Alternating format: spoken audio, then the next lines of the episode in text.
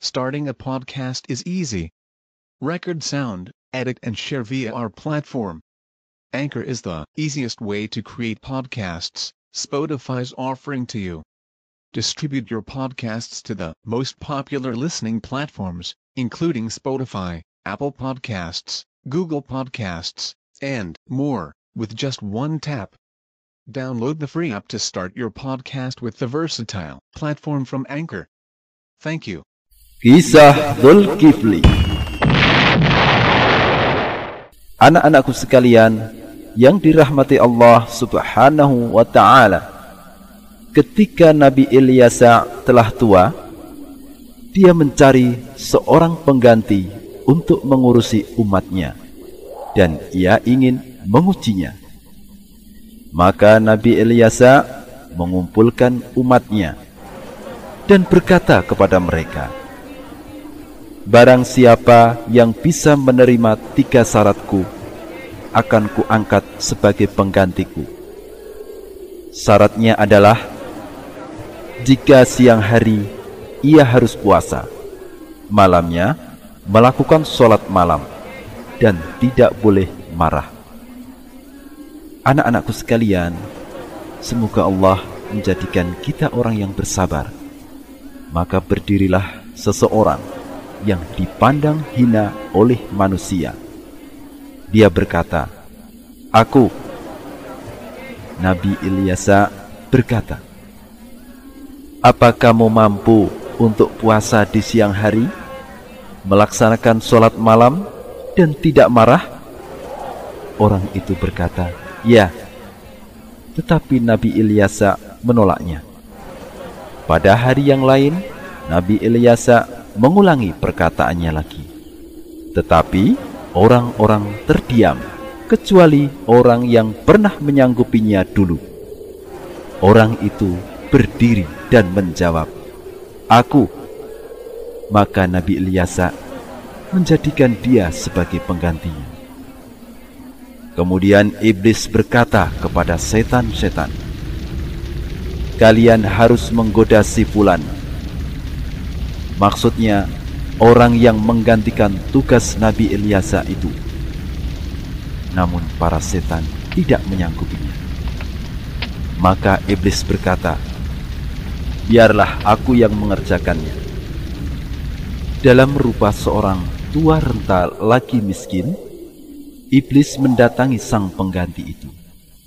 Dan sang pengganti tidaklah tidur pada malam maupun siang hari, kecuali tidur koilulah saja, yaitu tidur sebentar di siang hari. Iblis mendatanginya saat sang pengganti merebahkan diri hendak tidur koilulah. Iblis pun mengetuk pintu. Sang pengganti berkata, Siapa ini? Iblis menjawab dari balik pintu. Seorang yang tua renta lagi terdolimi maka dia berdiri dan membuka pintu. Kemudian iblis yang menyerupai bentuk orang tua renta itu mulai bercerita tentang dirinya. Sesungguhnya telah terjadi pertengkaran antara aku dan kaumku. Mereka mendolimi aku. Mereka berbuat begini dan begitu kepadaku. Iblis terus bercerita panjang lebar hingga menjelang waktu sore. Sampai sang pengganti tak sempat lagi untuk melakukan koilulah. Sang pengganti lalu berkata, Datanglah kepadaku saat sore. Aku akan mengambilkan hakmu untukmu. Kemudian iblis pun pergi. Lalu tibalah waktu sore sang pengganti berada dalam majlis atau pertemuan untuk mengurusi manusia. Dia menunggu kedatangan si orang tua renta. Kemudian dia berdiri mencarinya. Namun, orang tua renta itu tidak terlihat juga. Esok harinya, sang pengganti sedang menghukumi perkara manusia. Dia menunggu si orang tua namun tidak melihatnya. Saat pulang hendak istirahat siang dan mulai merebahkan diri, datanglah si orang tua itu dan mengetuk pintu. Sang pengganti bertanya, "Siapa ini?" Orang tua renta yang didolimi, jawabnya. Maka sang pengganti membukakan pintu. Seraya berkata, Bukankah sudah kukatakan padamu, datanglah kepadaku jika aku sedang duduk di majelisku. Si orang tua itu berkata, Sesungguhnya mereka adalah kaum yang paling jelek.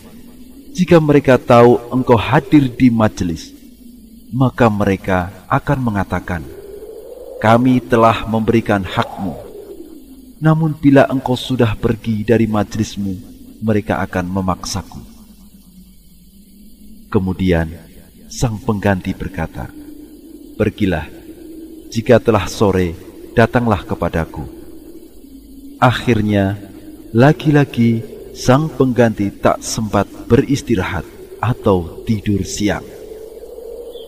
Kemudian tibalah waktu sore, sang pengganti menunggu si orang tua. Tetapi dia tidak melihatnya Kemudian ia merasa berat karena sangat mengantuk. Berkatalah ia kepada sebagian keluarganya, Jangan biarkan seorang pun mendekati pintu ini sampai aku tidur. Aku telah terbebani oleh rasa kantuk. Waktu itu, laki-laki datanglah si orang tua.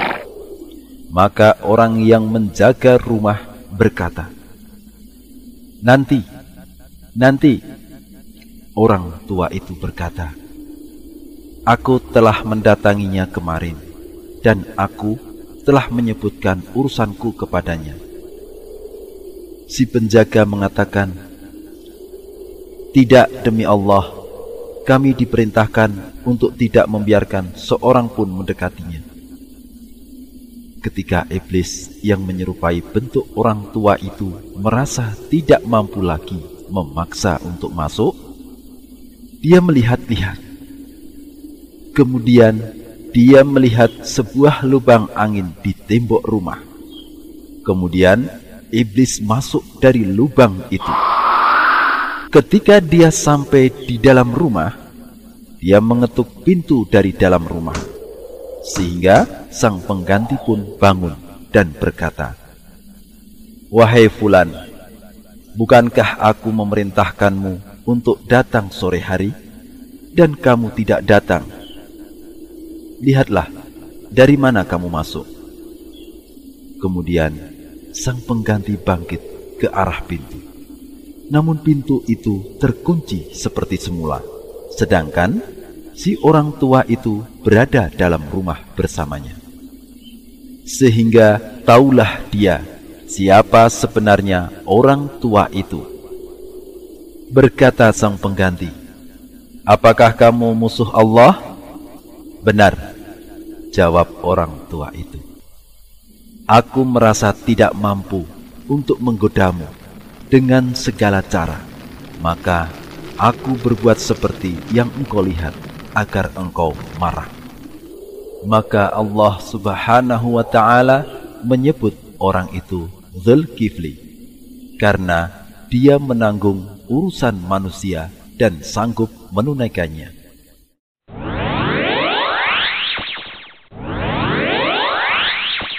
Adik-adikku sekalian yang dicintai oleh Allah Subhanahu wa taala. Sekarang mari adik-adik menyimak Faidah-faidah dari kisah Zulkifli. Faidah yang pertama, kita harus memilih orang yang berilmu untuk dijadikan pemimpin. Jadi, orang yang dijadikan sebagai pemimpin haruslah orang yang berilmu, bukan orang-orang yang jahil dan orang-orang yang bodoh. Tapi kita harus memilih orang-orang yang berilmu di antara kita. Kemudian, faedah yang kedua, kita tidak boleh melihat seseorang hanya dari penampilannya saja. Tapi lihatlah dari hati dan ilmunya. Kita tidak boleh melihat seseorang hanya penampilannya saja. Oh, penampilannya seperti itu. Kita tidak boleh menilai seseorang dari penampilan, tapi kita menilai dari hati dan ilmunya. Kemudian, faedah yang ketiga dari sekalian, jika kita telah menyanggupi sesuatu, maka kita harus menunaikan semampunya. Kalau adik-adik telah menyanggupi untuk melakukan sesuatu, telah berjanji untuk melakukan sesuatu, maka tunaikan semampu kita. Berikutnya, faedah yang kelima, iblis laknatullah alaih adalah musuh utama bagi manusia. Sehingga kita tidak boleh menjadikan iblis sebagai teman kita karena dia adalah musuh utama kita, musuh bebuyutan kita adalah iblis laknatullah alaih. Kemudian faedah yang kelima, kita harus menjauhi perbuatan dusta. Kenapa? Karena perbuatan dusta adalah sifatnya iblis dan Allah Subhanahu wa taala telah melarang kita dari berbuat dusta. Dusta itu adalah sifatnya iblis, laknatullah alaih. Sehingga kita harus menjauhinya jauh-jauh. Berikutnya, faedah yang keenam, kita harus mengembalikan segala urusan kita kepada orang-orang yang berilmu. Untuk menanyakan segala sesuatu, tanyakan kepada ahli ilmu. Menanyakan perkara-perkara, permasalahan-permasalahan, maka ditanyakan kepada ahli ilmu. Berikutnya, faedah yang ketujuh dari kisah Zulkifli adalah menunaikan amanah yang telah diamanahkan kepada kita. Jika kita telah diberikan amanah, maka kita wajib untuk menunaikan amanah tersebut semampu kita. Kemudian faedah yang kedelapan, kita harus bersabar menghadapi manusia. Tidak mudah marah, tapi harus bersabar di dalam menghadapi manusia. Ketika manusia berbuat buruk ataupun berbuat apa pun kepada kita, maka kita harus bersabar dan dituntut untuk tidak marah. Kemudian faedah yang terakhir yang kesembilan dari kisahnya Zulkifli bahwa iblis itu memiliki kemampuan untuk merubah-rubah bentuk menjadi manusia, menjadi binatang, bahkan menjadi benda-benda. Iblis itu memiliki kemampuan untuk itu. Allah Subhanahu wa taala memberikan kemampuan kepada iblis untuk berubah-ubah bentuknya. Demikianlah tadi adik-adikku sekalian faedah-faedah berharga, pelajaran-pelajaran berharga yang bisa kita ambil dari kisahnya Zulkifli dan semoga kita semua bisa mengambil manfaat dari kisah Zulkifli tersebut.